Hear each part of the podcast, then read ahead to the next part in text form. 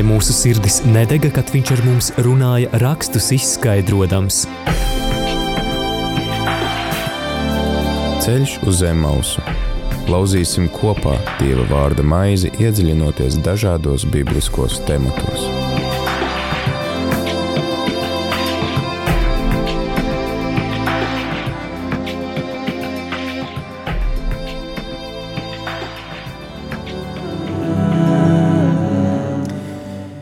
Rādījumā arī Latvija klausītāji ir 4 un 2 minūtes 4. 24. februārī. Ar tevi ētrā priesteris Pēteris Skudra un laiks raidījumam ceļš uz Emmausu. Šodien turpinam un noslēdzam lasīt Levītu grāmatu, trešo mūzus grāmatu, tā ir 27.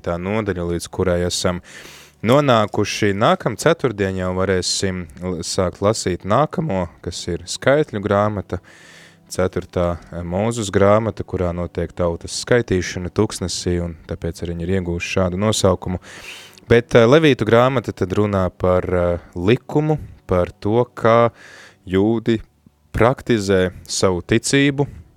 Grāmatu, kā mums priesteris Rodions sacīja, tad uh, mazie eh, jūdu bērni mācās lasīt no šīs grāmatas, un tā viņiem ir kā tāda visa likuma sirds, eh, kura tad arī eh, palīdz realitātē ikdienā praktizēt savu ticību. Un šodien tad lasīsim šo pēdējo nodaļu, kas jā, runā par vēl pēdējām norādēm, ko Mūzus dod savai tautai.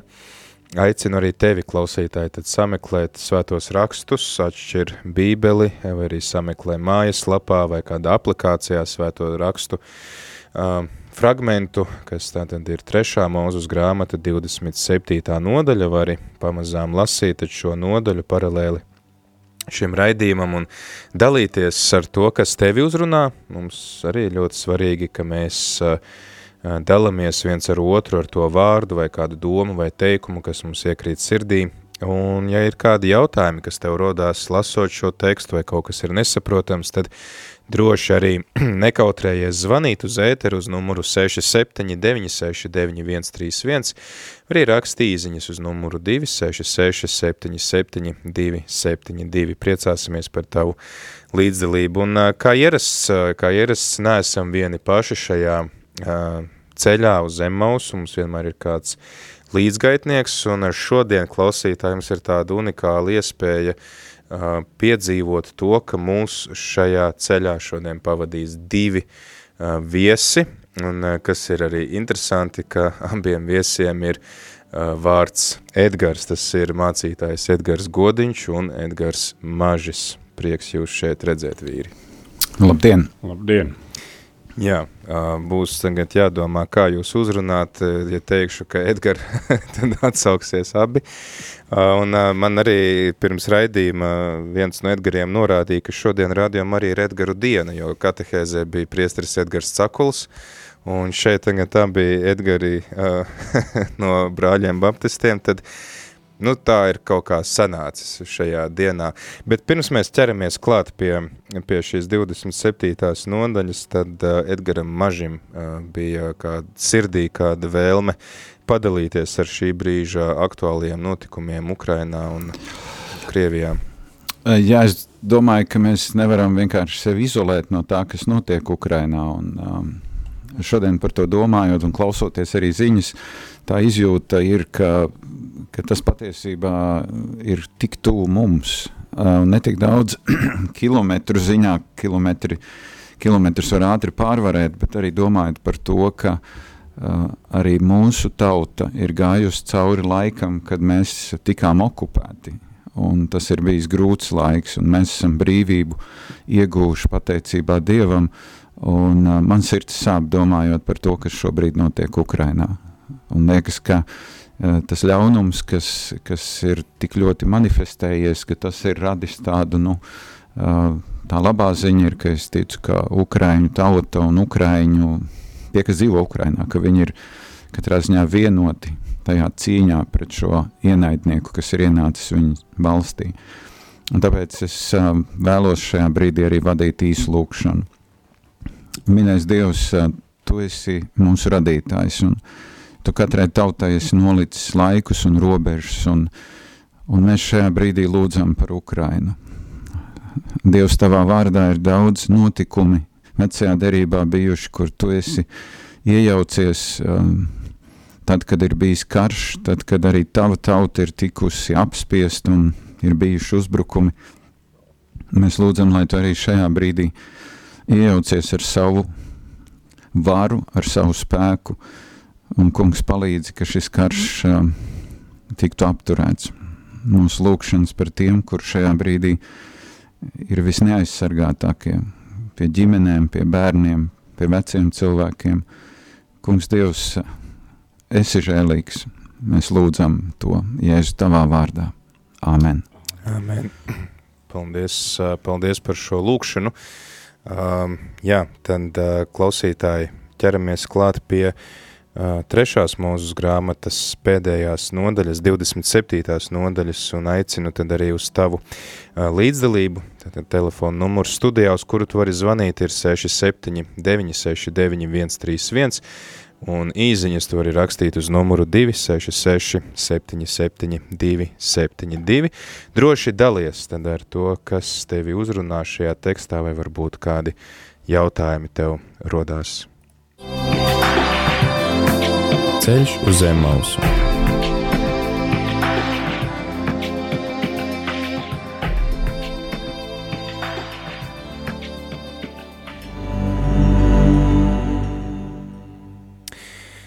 Jā, tad, piemēram, tajās bībelēs vai izdevumos, kur ir starp nodaļām tādi tā kā īsi nosaukumi šīm nodaļām, par ko tad tā nodaļa būs, vai ir, tad te latviešu, nu šis jaunākais tulkojums, kas mums ir pieejams, saka, ka 27. nodaļa ir par solījumiem un veltījumiem. Bet interesanti, ka te ir uzreiz runāts par kādu, kas ar zvērestu ir apsolīts kungam, tad par kādiem solījumiem, veltījumiem mēs runājam un, un ko tas nozīmē, ka kāds ir zvērēts vai apsolīts kungam. Jā, interesanti jau vispār, ka mēs runājam par likumiem, un šodienas kontekstā arī tas tā īpaši varētu būt, pēc kādiem likumiem mēs dzīvojam. Kā minēja, ka ir, ka jūdu tauta eh, jau no bērnības mācās dievu likumus, un tad, ja nav dieva likumu, tad ir paša likumi, un nav vairs paša likumi, bet tad nonāk kādā varā, vai nu dieva vadības varā, vai sātana darbības varā. Un tad mēs arī šajā laikā redzam, kā, kā tas izpaužās, ka kāds cilvēks pilnīgi tiek pārņemts no demoniska spēka, ka viņam vairs nerūp ne cilvēku dzīvības, ne labklājība, ne, ne kāda līdzekļa, nekas viņam rūp, tikai savu plāni. Bet nu, pie šodienas teksta, jā, uh, Uh, visas nodaļas līdz šai nodaļai runā, runāja par to, kā Dieva tautai uzturēt kontaktu ar Dievu un Dievam ar savu tautu, pie kādiem nosacījumiem tiks īstenot Dieva svētība un vadība. Un, nu, beigās tā kā pielikums šīs 27. nodaļa ir tāda, ka ja cilvēki kaut ko brīvprātīgi grib dievam dot, tad šeit ir norādījums tam. Tātad e, mēs, va, mēs dzīvojam tajā prasību daļā, kur, ja mēs gribam e, kritušā pasauli ar Dievu uzturēt kādas attiecības, tad mums ir jāpakļaujas Dieva likumiem, jo citādi mēs neko nevaram darīt. Mēs dzīvojam Dieva radītajā un uzturētajā pasaulē. Bet ir arī tā otra daļa, ka mēs varam no sirds, varam brīvprātīgi kaut ko Dievam dot. Un šī nodaļa ir, ir par to, kā, kā tu vari dot, un citreiz cilvēki, kā mēs redzēsim, ir arī pārsteidzīgi. Viņi sasola Dievam grūtā brīdī, bet pēc tam vairs nav gatavi to pildīt, un tad kā viņi var atkāpties no savu solījumu. Un, un tad, Tādēļ šī nodaļa ir tāda ļoti interesanta, un man liekas, ka mums, jaunās derības cilvēkiem, arī ļoti laba jo mēs jau vairs nedzīvojam no tā, ka mūsu glābšana ir likumā, e, bet gan Dieva upurī, Kristus upurī, bet taisni tas, ka šīs nodaļas gars visvairāk ir mūsu, e, mūsu dzīvē īstenojams, tas ir, ka mēs kaut ko daram ne tādēļ, lai Dievs nos nepērtu, bet gan tādēļ, ka mēs Dievam gribam pateikties. Nu jā, es domāju, ka tie solījumi, kas Dievam tiek doti, nu, pirms mēs nonākam līdz šai nodaļai, kur viņi diezgan detalizēti tiek izskaidroti, uh, var jau teiksim, nu, domāt arī par Ābramu, kurš uh, kaut kādā veidā arī kaut ko solīja Mels, Melhisedekam, viņš deva desmito tiesu, uh, vai arī vēlāk, kad mēs redzam, kad Jēkabs um, bēg no savu brāļa, uh, tad viņš arī saka kungam, nu, ja tu mani vadīsi, ja tu mani svētīsi, tad es tev arī došu kaut ko. Eh, ka, ka tiem solījumiem ir tādas varbūt divas ļoti līdzīgas iezīmes, bet tomēr atšķirīgas, ka cilvēki solīja kaut ko Dievam pirms viņi kaut ko bija saņēmuši vecajā derībā, un otrs bija, ka viņi jau bija saņēmuši no Dieva, un tas bija tā, tāds pateicības brīdis. Ja, tas, eh, bet... piemēram, piemēram, eh, Samuēla gadījums ir šāds piemērs, ka māte aiz pateicības velta Samuēlu Dievam, ka viņš viņu ir uzklausījis viņas lūkšanu nu, viņa bija solījusi jau, ja būs mm. tas bērns, tad. Jā, mm. tur, tur atkal, es domāju, tas ir tāds labs piemērs, ka no tā solījuma neatkāpjas. Mm. Viņa jau varēja teikt, beidzot, man ir bērns, eh, gan jau Dievs sapratīs, bet, eh, bet tas, ko tu teici, Edgar, ka, nu, ka kaut kādā ziņā vecās derības cilvēki ļoti nopietni tam piegāja. Ja, un, mm. Man liekas, Salamans saka, ka ir labāk, labāk nesolīt nekā solīt un nepildīt. Un, un Jā, bet vai tam ir kaut kāda saikne ar to, ko mēs lasījām, piemēram, izceļošanas grāmatas 13. nodaļā, ka visi pirmdzimtie cilvēki un lopi tie piedara Dievam? Jā, par to jau arī šeit ir vēlāk rakstīts šajā nodaļā. Bet tas ir piemēram no 26. 27. pāns. Mhm. Tas, bet pirmā metiena lielops, kas jau kā kas jau kā pirmdzimušie pieder tam kungam, nevienam nebūs veltīti, lai tie būtu vērsis vai auns, tie pieder tam kungam. Ka, tātad, ja es veltu, tad tas, tas nozīmē, ka tas jau Dievam pieder un tas nav veltījums, es nevaru veltīt Dievam to, kas jau viņam pieder. Jā, jā, jā mm. bet, eh, bet tā ir vairāk tāda sirds atvērtība, arī es domāju pie šiem notikumiem vēl viens bībelē ir, kad Jefta saka, tā ļoti bezcerīgā kara priekšā, kura viņam ir jāvada jāvada tauta pret filistiešiem. Pirmā kauja, kur viņš vadīs, viņš saka, Dievs, ja tu man ļausi atgriezties kā uzvarētājam mājās, tad viņš deva solījumu. Un, Tas ir no soļu grāmatas. Jā, no tāds nepārdomāts, nepārdomāts uh, solījums. Nu, viņš varēja vairāk palasīt mūsu grāmatas. Mm. Bet tas, Jā, tad, tas stāsts tas ir, starp citu, arī latviešu folklorā ir šis stāsts par to, ka tēvs Jā. dod apsolījumu, ka pirmais, ko es satikšu, to es Jā. upurēšu un veltīšu, droši vien, tas nāk no šī vecās darības stāsta, viņam izskrien pretī, laikam, vienīgā meita, ja, un tad. Uh, divus mēnešus viņa lūdz vēl tā atvadīties, un Jā. tad viņš viņu upurē. Bet tas, ir, tas, ir, tas neiet kopā ar, ar, ar bībeles garu, jo to mēs redzam pie, pie Ābraham, kad kad Dievs saka Abrahamam upurēt savu dēlu, tad viņš aptur viņa roku un, un, un saka, nē, cilvēku upuri Dievam nav vajadzīgi. Tas nozīmē, ka mēs varam atteikties no kaut kāda stūrgalvīga vai nepārdomāt lēmumu. Mums nav pie viņa stūrgalvīgi jāturās tikai tāpēc, ka vīrs un vārds. Jā, Ta, tas šeit ar tā ir minēts. Jā, jo atgriežoties mazliet pie Jeftas, man šķiet, ka nu atkal tas bībeles princips, ka Dievs no mums neprasa uh, lai mēs dodam viņam kaut ko, un tad viņš mūs svētīs. Respektīvi, nu, tāds, tā, tādas tirgus attiecības. Mm. Ja Dievs jau neteicis Jeftam, ko tu tagad man dosi, ja es tev došu uzvaru, kādas ir, kāda ir varianti. Ja? Viņš saka, nu, nu, tad ņem to, kas pirmais nāks ārā. Un, un, protams, ka šīs nodaļas klātbūtne soļu grāmatā man šķiet parāda arī to, nu, ka tas ir kā brīdinājums, mm. lai to nedara. Ja? Jo gan... tur ir rakstīts, ka pēc tam tā paliek kā tradīcija, ka meitenes iet kalnos divus Jā. mēnešus tur pieminēt šo šo meiteni un mm -hmm. skaidrs. Jā, tad, tad, tas jā. šī nodaļā ir tā arī uzsvērts un rādīts, ka, ka, ka var kādā savā sajūsmas vai aizrautības brīdī, vai grūtā brīdī, vai, vai kaut, kā, kaut ko veltīt dievam, savu tīrumu, vai lielopu, vai, vai kādas uh, pat sievietes no sava nama, vai kā. Un tad tu beigās ap, atjēdzies, ko tu esi izdarījis. Un, un tad, uh, tad, tad, tad var izpirkt. Un mm. šeit ir ļoti smalki uzrakstīts, cik jāmaksā. Jāmaksā ir no tik gadiem līdz tik gadiem ir jāmaksā tik daudz. Tā, tā kā nevar aiziet un pateikt, zini, ko dod man atpakaļ. Mm. Tu vari dabūt, bet, uh, bet padomā, pirms tu dievam ko soli. Padomā. Tas tā kā, nu, ir, tad, tad liek mums tā šī grāmata, šī nodaļa varbūt tā pedagoģiski saprast, ka tomēr par sekām ir jāatbild. Pat ja Dievs saka, ok, es saprotu, ka jūs esat pārsteidzīgi, un tāpēc arī šis likums tiek iekļauts, ka noteikti būs pārsteidzīgi lēmumi, bet nu, rēķinieties, ka tas tāpat kaut ko maksās.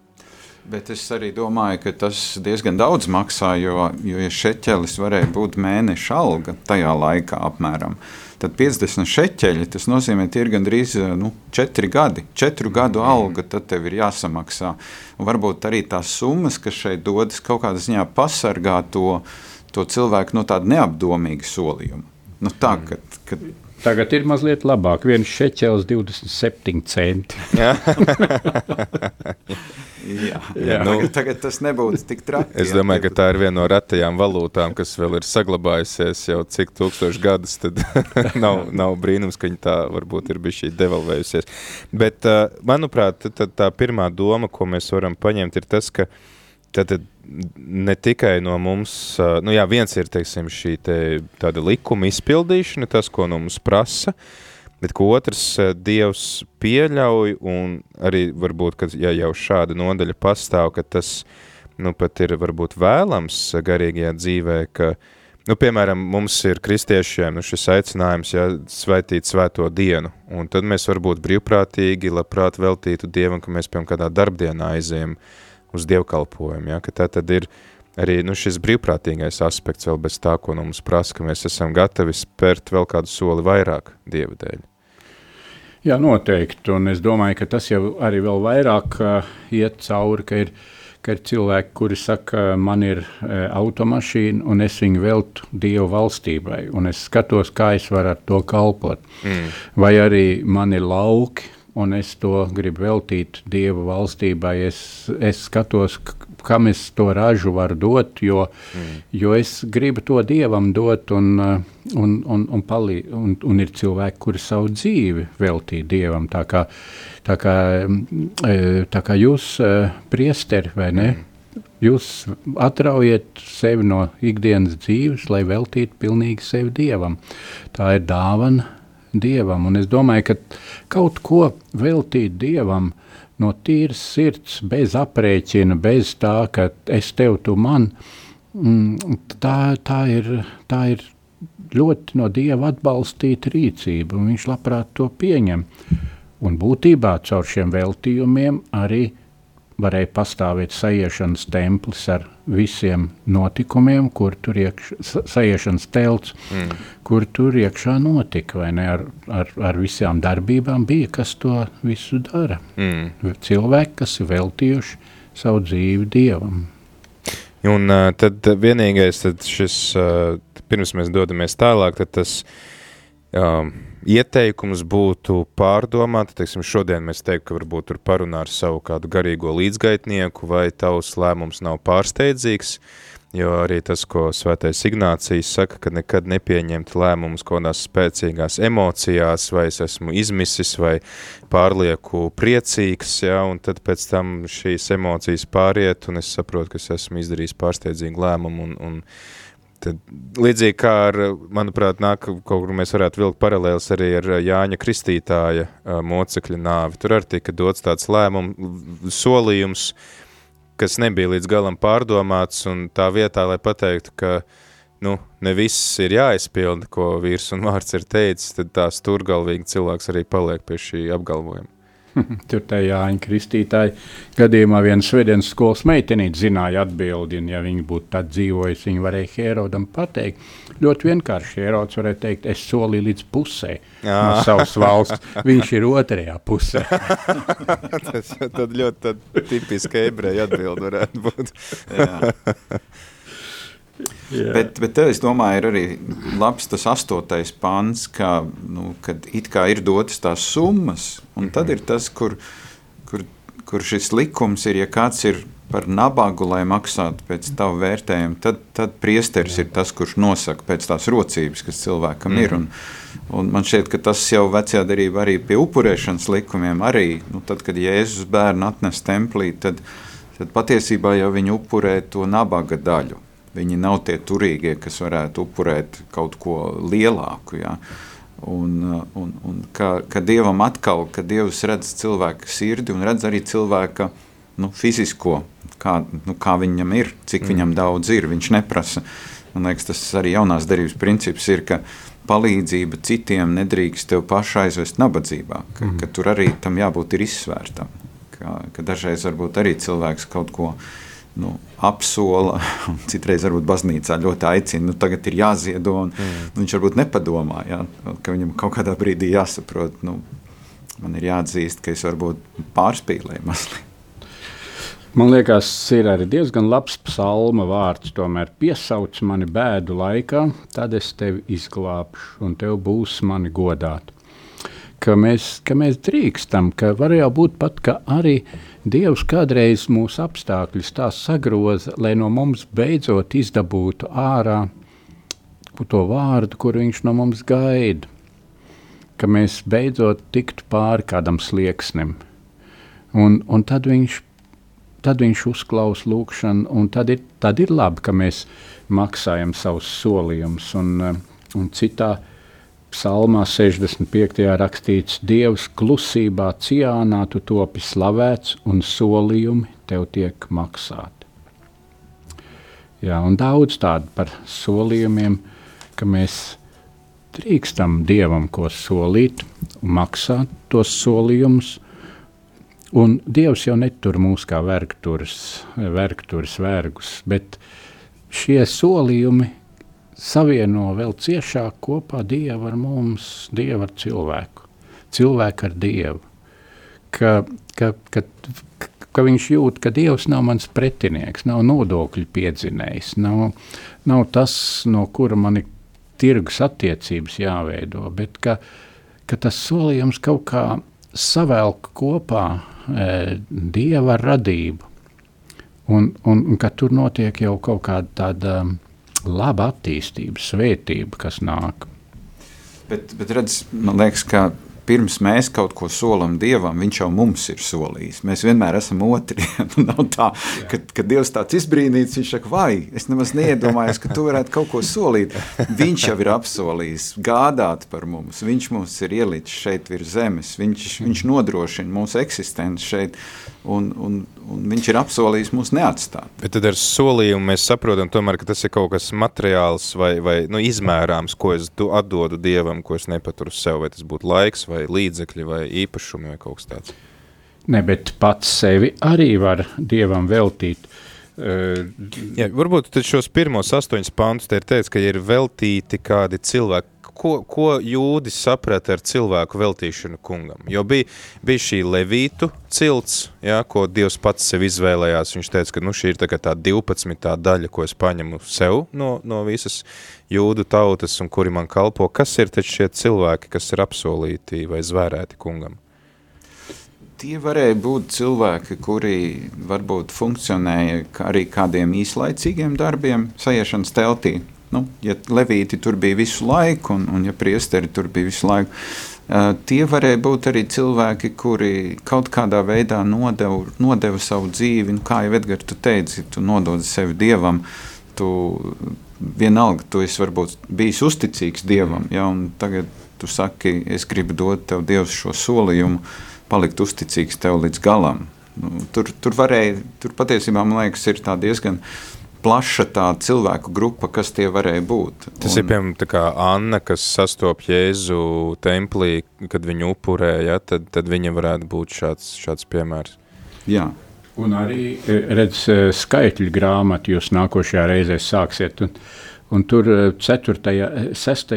nodaļā rakstīts runā uz Izraēlu bērniem un saki tiem, ja vīrs vai sieva apsolījušies nodot sevišķi zvērstu, kļūt par nazīrieti, lai būtu īpašā piederībā tam kungam, tad visu savu nazīriešu solījumu laiku, un tad tur ir noteikumi. Mm -hmm. Tātad, tātad tas vārds visu savu nazīriešu solījumu laiku, tā kā varētu būt arī kaut kādi tādi periodi, ko cilvēks īpaši atsakās no savas dzīves un veltīs sevi kalpošanai vai, vai kādam dzīves, īpašam dzīves veidam vai gavēnim vai kā. Tā, tā kā tā, tā, man liekas, nav slikta prakse tā e, ņemt ļoti nopietni e, to, ka es varu ar Dievu būt tuvākās attiecībās nekā tikai garām skrienot. Mm. Un dažreiz man liekas, arī vecāki, tad, kad varbūt ir bijušas grūtas dzemdības, vai tā bērna ienākšana šai pasaulē ir bijusi ļoti sarežģīta, tad, tad, tad varbūt pat pirms tam viņi ir sacījuši, mēs gribam šo bērnu veltīt Dievam. Dievs mums viņu ir nu, atļāvis ieņemt, un, un, un tad arī kaut kādā veidā tas ietekmē varbūt pat šī cilvēka dzīves gaitu. Bet tas atkal mēs varam nu, redzēt, ka piemēram viduslaikos nu, vecāki šādu praksi praktizēja tas diezgan gāja pretrunā varbūt ar paša bērna skatījumu uz dzīvi, uz ko tad Dievs viņu aicina, kur varbūt tad ir tā robeža. Ja es nesen runāju arī ar kādu ar kādu, starp citu arī baptistu sludinātāju, viņš teica, ka viņa mamma kādreiz bija, nu, arī pie viņa dzimšanas vai viņa bērnībā bija, nu, teikusi, ka Dievs uh, nu, es viņu gribētu veltīt tev, un viņam ir bijusi visādi tāda vētraina dzīve un tā, un tad viņš vienā brīdī kļuva nu, par sludinātājiem. Tikai tad viņam mamma atklāja to, ka viņa bija nu, tādu, nu, varbūt tā kā lūgumu drīzāk izteikusi Dievam. Uh, Un savukārt atkal ir šie piemēri, kur, jā, tiešām, nu, bērns jau bija zināms jau no dzimšanas, ka viņš būs, nezinu, tur bīskaps kādā diecēzē, tad uh, viņam pašam nemaz neprasot, tad kur ir varbūt tā robeža, kur vecāki var šādus solījumus dot par saviem bērniem. Nu, jā, nu viens ir tad, ja mēģina to kārtot administratīvi, lai manam bērnam būtu laba alga un, uh, un labs apkalpojošais personāls. Tā un... Zebedēja dēlu māte, jā, jā. tur viens Tas... pa labi, otrs pa kreisi. Un viduslaikos jau tam bija diezgan liela nozīme, kā, kādos apstākļos uzaugs un dzīvos. Bet otrs ir tas, tīri tā garīgā. Dievs, ja tu pieņem šo upuri, tad dari, mm. lai tas bērns visiem uh, ērkšķiem cauri un kalniem pāri, beidzot tomēr var būt tavs, tavs svētības nesējs. Mm. Bet es domāju, ka tas ir labi, ka tā mamma sākumā neteica. Nu, es arī uzzināju relatīvi nesen, pirms kādiem 10, 15 gadiem, ka mana vecvecmāmiņa uh, ir uh, lūgusi par mani Dievu, lai es kļūstu par mācītāju. Mm. Un, un es to uzzināju tā, teiksim, ar atpakaļējošu datumu. Man vecmāmiņa jau sen bija mūžībā, un, bet es domāju, jā, tad, tad viņas lūkšanas kaut kādā ziņā nu, bija tādas tā kā apsolījuma lūkšanas Dievam, mm. ka viņa, viņa solījās lūgt par mani, lai Dievs nu, piepilda to aicinājumu. Un, tur var būt arī tādas ļoti skaistas lietas. Nu, Tur ir cik interesanti. Mans vectētiņš um, arī. arī lūdzu. jā, jā, jā. Tad redz, kā jums ne tikai kopīgi vārdi un radniecība, bet arī tie vecvecāki ir vainīgi jā. pie jūsu, pie jūsu aicinājuma. Uh, bet es, interesanti jā. šeit šeit tālāk, kā mēs tiksim galā ar, ar, ar, to, ar to atšķirību, ka, ja grib izpirkt vīrieti vai puiku, jāmaksā vairāk, Un, ja grib izpirkt meiteni vai sievieti, tad jāmaksā mazāk. Jā, tas, tas, ko es gribēju prasīt, un par bērnu vēl Jā. mazāk, un par vecu cilvēku vēl mazāk, tad redz. tur tāda tā kā bišķīt ir... Jā, redz, jā, jā, kā tas tur bija no, no 5 līdz 20 gadiem, par, a, ne, tur, tur jau ir tā no, no viena mēneša līdz 5 gadiem, par puiku 5 seķeļi, par meiteni 3 no 5 gadiem līdz 20 par puiku 20, par meiteni 10. No 20 līdz 60 par vīrieti 50, par sievieti 30. Par 60 un vairāk gadiem par vīrieti 15 un par sievieti 10. Tur ir kā krītās tā vērtība.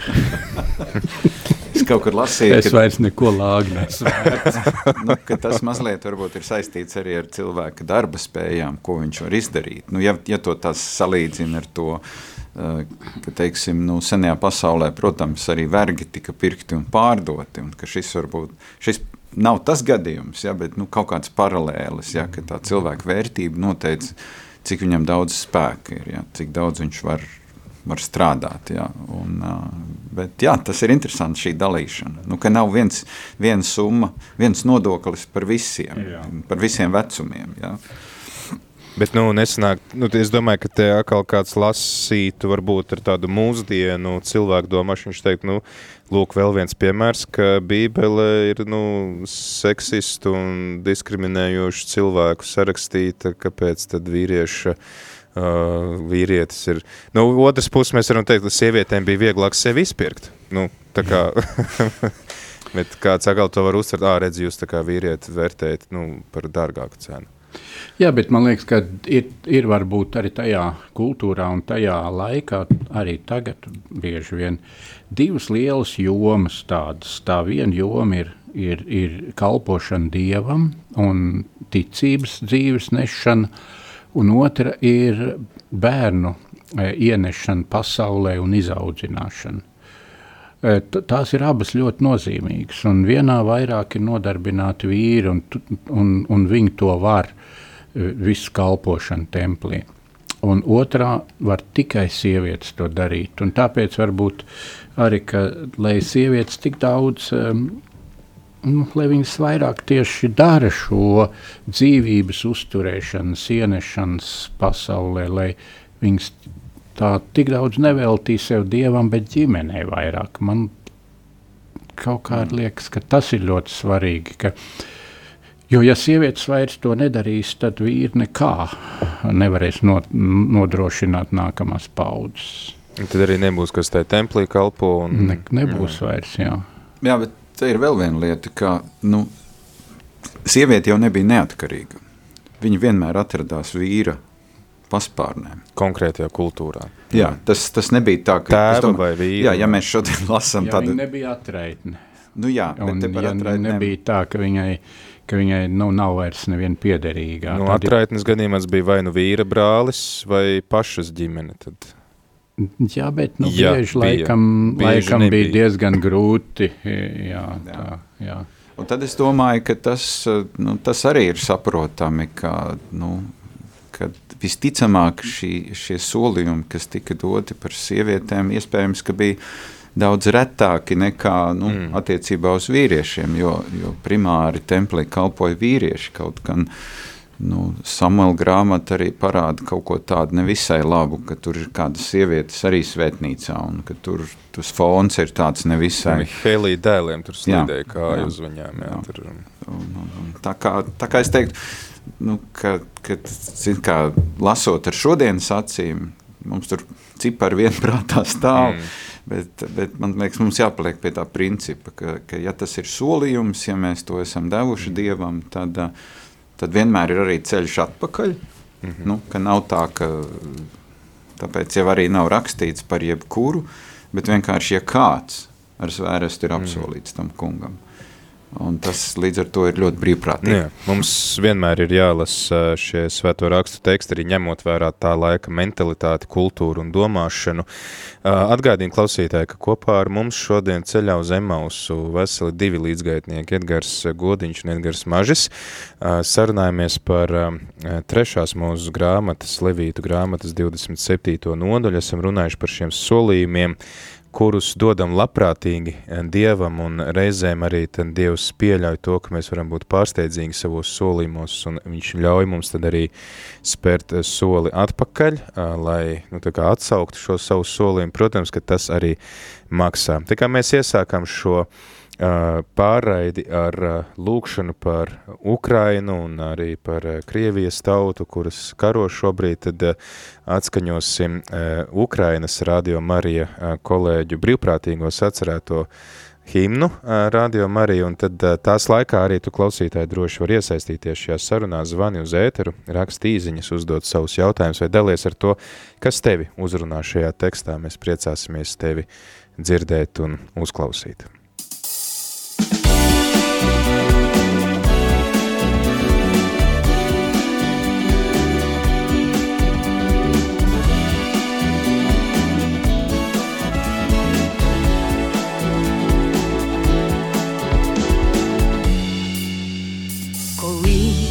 Збуваються мрії, коли життя без прикрас, царице світу Маріє, молися за нас,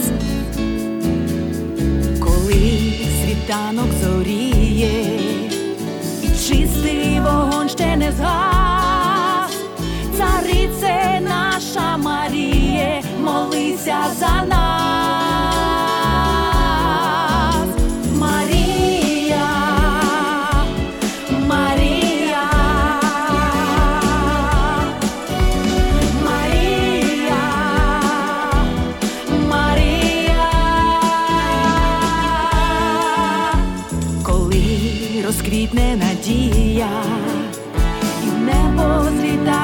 child.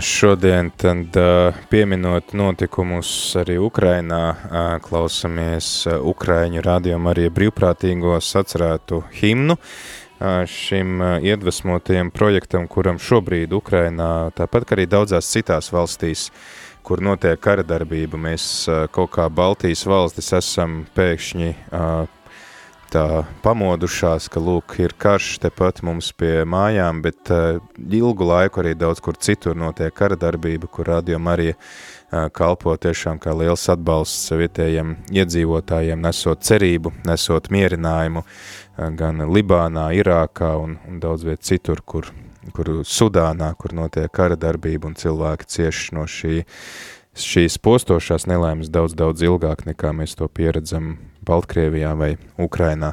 Protams, es nemaz zinu Ukrainas vai Baltkrievijas ciešanas eh, piedzīvojot karu, bet nedrīkstam aizmirst, ka tā ir daudz plašāka problēma nekā situācijās, ka tās skar mūs. Mēs eh, šodien lasām kopā ar diviem Edgariem, Edgaru Godiņu un Edgaru Maži, trešās mūzus grāmatas 27. nodaļu. Esam diezgan daudz laika pārunājuši šo principu veltīt kaut ko Dievam brīvprātīgi, arī tad, ja tas netiek no mums prasīts, mēs iepriekš lasījām iepriekšējās nodaļās dažādus likumus un noteikumus, kas kurā brīdī Dievam ir jāpienes kādās situācijās.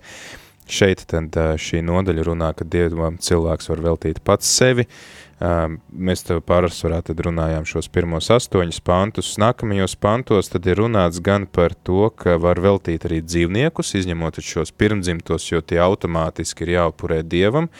Um, tad uh, vēl var veltīt arī īpašumus, nekustamo īpašumu, vai tie būtu nami vai zeme, uh, vai mums ir kaut kas, ko mēs varam par šo piebilst? Jā, nu, mums jau ir tāda mūsu leksikā arī pazīstams, ka ka ir kādi nami, kur ir veltīti dievam. Mēs saucam viņus dievnami, baznīcas, kur cits nekas nenotiek, kā tikai, tikai mūsu, uh, mūsu tikšanās ar Dievu, uh, kur mēs uh, neko negribam citu ielaist iekšā, ne futbolu spēlēt, ne neko, bet tā ir vieta, kas ir nošķirta, kas ir korban, kas ir no, nolikt t- t- svēta dievam. Un, un tas ir labi, ka, ka mēs arī tā, mēs arī tā, tā, tā mācāmies nolikt kaut ko ar tādām robežām, kur, kur pasaule tā nenāk iekšā. Un varbūt vēl viens tāds virziens, es domāju, kā ir ar mūsu mājām, kur mēs dzīvojam.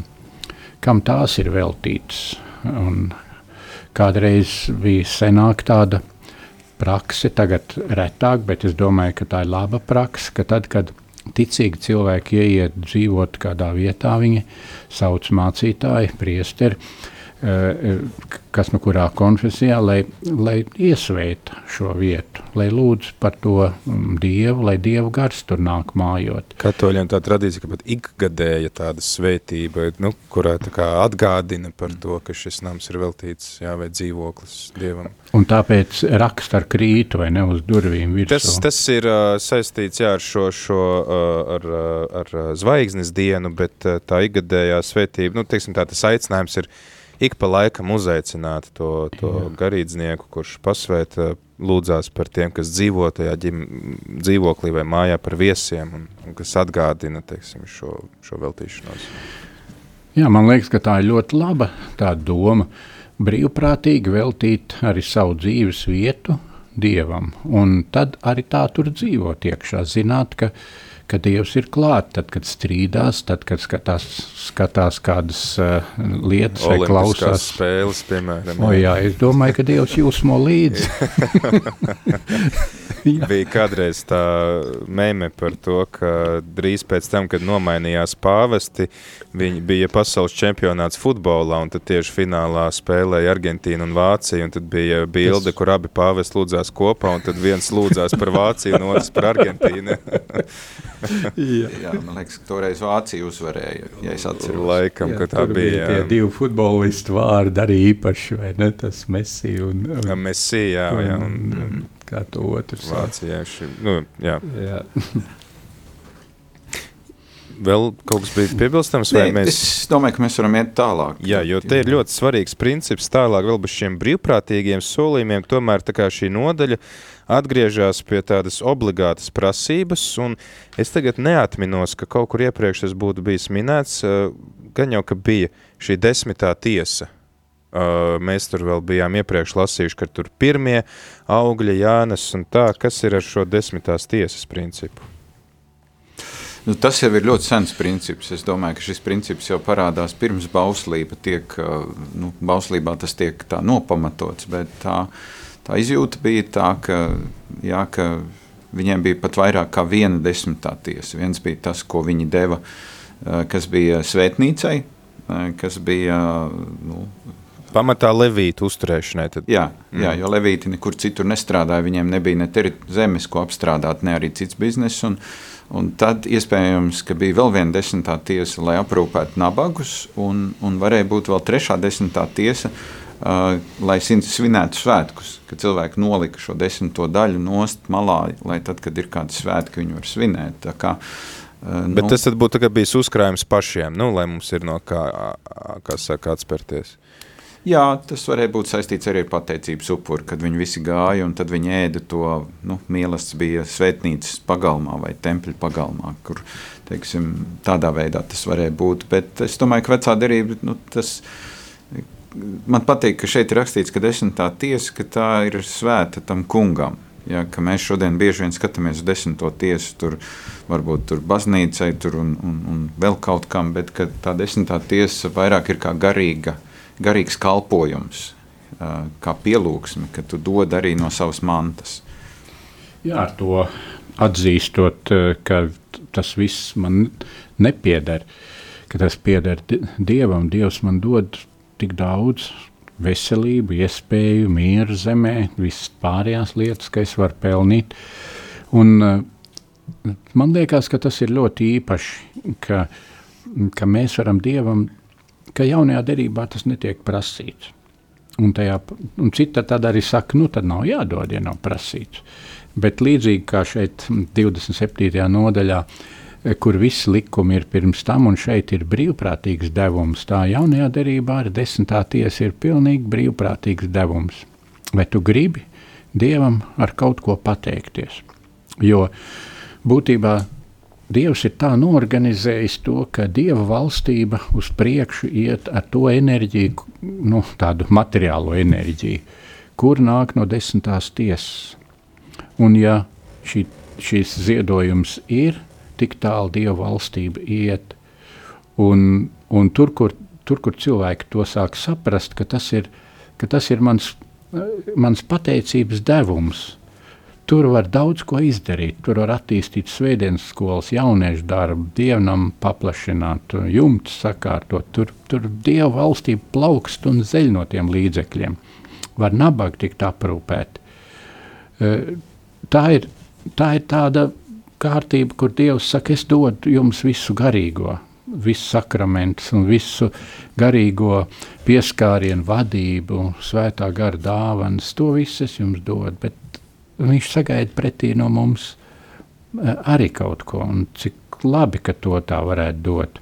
Ja tas, ko Edgars saka, es atvēru Pāvila vēstuli, otro vēstuli korintiešiem devīto nodaļu, kur viņš, eh, teiksim, arī kristīgā tradīcija, varbūt katoliskā baznīca vairāk pie šīs turās, ka neprasam, nu, ka katrs, lai dod tā, kā iesaka sirds, nevis ar sarūktinājumu vai piespiedu kārtā, uh, arī atgādinot, ka priecīgu devēju Dievs mīl, un pirms tam gan Pāvils paskaidro, ka kas skopis seitas skopi arī pļaus, un kas bagātīgi seitas bagātīgi arī pļaus, un kaut kur varbūt tās uh, var dzirdēt. Uh, tas ir īstenībā tāds ļoti jutīgs, jutīgs jautājums, jo var teikt, ka lūk, nu, cik es varu atļauties, tik es dodu, uh, Tad ir nu, tādas ļoti radikālas kustības kristietībā, kas teikt, ka tev tie 10% vēl pirms nodokļu nomaksāšanas ir jādod, jo kā tas nākās, ka tu vispirms maksāsi valstī un tikai tad dievam, uh, Un atkal no dillēm un ķimenēm. jā, jā, jā, jā. Visu sīku. Jā, jā, un tad atkal, atkal cik, cik tam, nu jā, pieiet tā, jo man pašam personiski, es arī vienmēr cilvēkiem saka, lūk, nu, apustuls Pāvils saka, cik tev sirds liek, tava sirdsapziņa ir tas kritērijs, No otras puses, nu man personīgi palīdz tas desmitās tiesas princips, jo tas ir kaut kas konkrēts, izmērāms, uh, Un tad man nav tie sirdsapziņas pārmetumi, vai es neiedevu pa maz vai pa daudz, vai kā, nu, tas ir tāds noteikts izmērāms daudzums.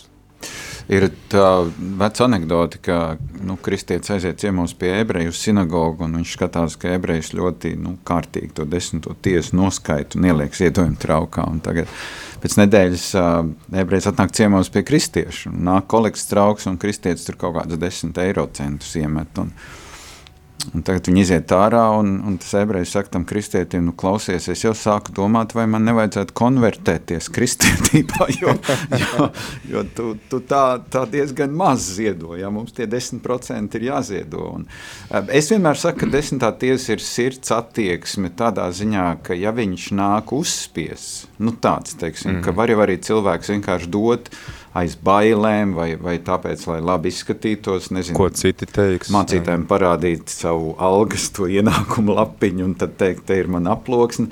Uh, bet, ja tas, ir, ja tas ir tā garīgi piedzīvots, es domāju, ka tas nes to svētību. Tad Dievs svētī vairāk, viņš dod vairāk atpakaļ kā 10%. Īsnībā jau viss pieder viņam. Mm. Mūsu dievnamos tā ir pieņemts, ka pēc katra dievkalpojuma ir arī uh, naudas savākšana, kolekte vai, vai ziedojumi, vai kā tur katrā vietā to sauc. Mm. Man, man, man patīk to saukt par pateicības upuri. Jo mums jaunās derības cilvēkiem nav vairs neviena upuri jānes, jo visu Kristus ir samaksājis. Bet pateicības upuris mums vēl paliek.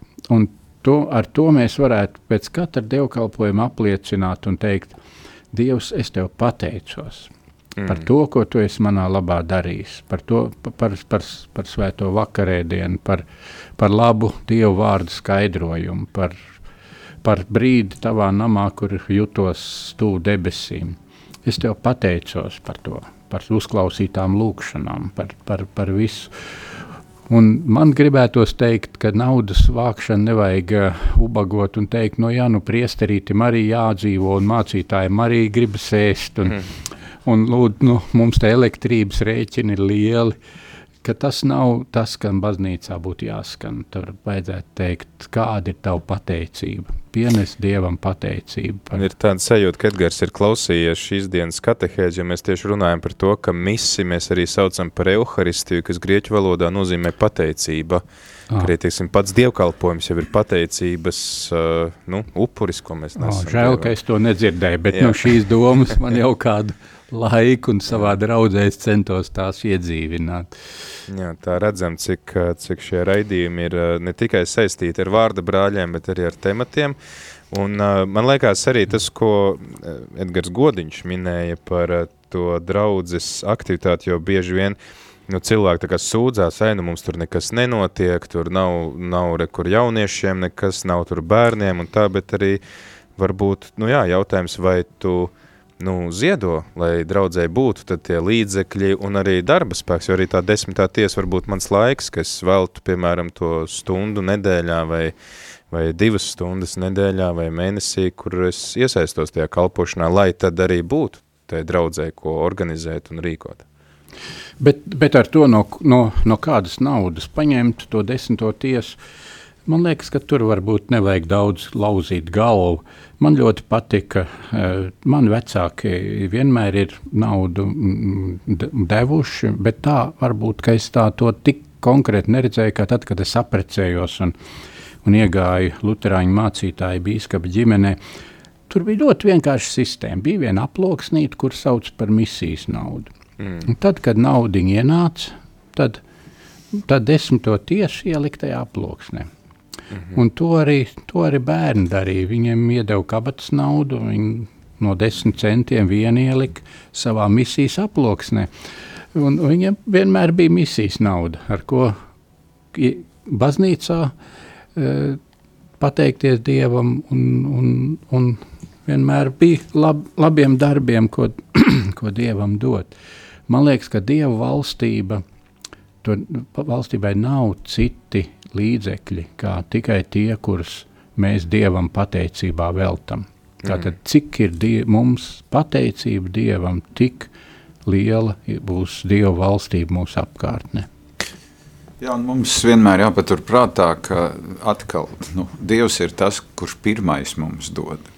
Viņam pieder visi mūsu līdzekļi. Un, un ja mēs mācāmies dot tālāk, tad man liekas, mēs mazliet kaut ko izpildam no tā dieva prieka, ka viņš arī ir tā bagātīgi dod. Bagātīgi dod visiem, saule uzlec pār taisniem un netaisniem, lietus līst pār visiem. Un, un tad man liekas, tā ir arī tāda, nu, tu teici par solījumiem, kas mūs satuvina Dievam, bet man liekas arī došana mūs var ļoti satuvināt Dieva sirdī, jo viņš ir devējs. Nu jā, mēs tur piedalāmies Dieva darbos. Jā, Jā. mēs arī tādā veidā varam pateikt, ka lūk, es arī savas finanses, ne tikai savu dzīvi atdodu Dievam, kur Jēzus ir kungs un, un valdnieks, bet tad arī manas finanses. Un, protams, saprātīgi, nekaitējot varbūt ģimenes budžetam un labklājībai, bet no otras puses arī atzīstot to, ka es varu parūpēties par savu ģimeni, pateicoties tam, ka Dievs man ir devis to darbu, spējas, uh, nopelnīt, un tad arī šī alga, un es domāju, ka visi tie ir pieredzējuši, kas, kas ir ziedojuši, un liels paldies arī Radio Marija visiem atbalstītājiem par jūsu dāsniem ziedojumiem, un arī jūs esat daudzi dalījušies šeit ēterā, ka tas, nu, Dievs atlīdzina daudzkārt, un, un beigās tā tie līdzekļi kaut kur uzrodās atkal vietā. Tā ir. Tā, es esmu dzirdējis diezgan daudzus, kuri saka, ka viņi ir ir ar prieku dievam devuši un tā dzīvojuši, un viņiem nekad nav bijis jācieš bats. Un, Zin. Tas nenozīmē, ka varbūt tur ir ļoti liela buferis kontā, bet, bet nekad bet, nav pietrūcis. Bet viņi ir mācījušies to vārdu pietiek, un tiešām tāpat kā, kad, interesanti, kad Jēzus sūta mācekļus, viņš saka, neņemiet neko līdzi. Mm. Pēc tam, kad, eh, kad eh, mācekļi saka, mēs visus esam atstājuši, un tā tad Viņš saka, vai jums kas ir pietrūcis? Viņi pārdomā un saka, saka nekā, nekas jā, nav pietrūcis. Viss bija. Ko vīri, liels, liels paldies, ka jūs abi varējāt šeit būt ēterā, tāds jauns formāts mums šajā raidījumā, un paldies arī par visām tām, tām domām un to skaidrojumu, ko devāt mums šajā raidījumā, un ceram jūs vēl kādreiz dzirdēt. Vai nu kopā, vai atsevišķi, te jau laiks rādīs. Paldies par aicinājumu. Lai Dievs sveitī Jā, paldies, paldies. visus sludinot vēsti. Jā. Paldies arī tev, klausītāji, par tavu atbalstu un ka tu nekautrējies ziedot un, un dalīties ar saviem līdzekļiem, jo tu atbalstot Radio Mariju, tad arī ļoti burtiski tiešām sludini šo vēsti, jo Radio Marija ne tikai Latvijā, bet visā pasaulē nes šo miera vēsti, šo Dieva klātbūtni visur, kur tas vien var skanēt. Un arī Latvijā pateicoties taviem ziedojumiem, tavam atbalstam, mēs varam arī paplašināt šobrīd skanējumu, apgūstam jau iegūtās frekvences saldu un tukumā. Šodien arī aizstāvējām savu kandidatūru Nepal padomēji uz frekvencēm Rēzeknē un Daugaupilī. Redzēsim, kāda būs atbilde nākamnedēļ un plānojam arī pieteikties jaunai frekvencei uh, Ventspilī. Tā kā liels, liels jums paldies par atbalstu. Ceļš uz zem mausu.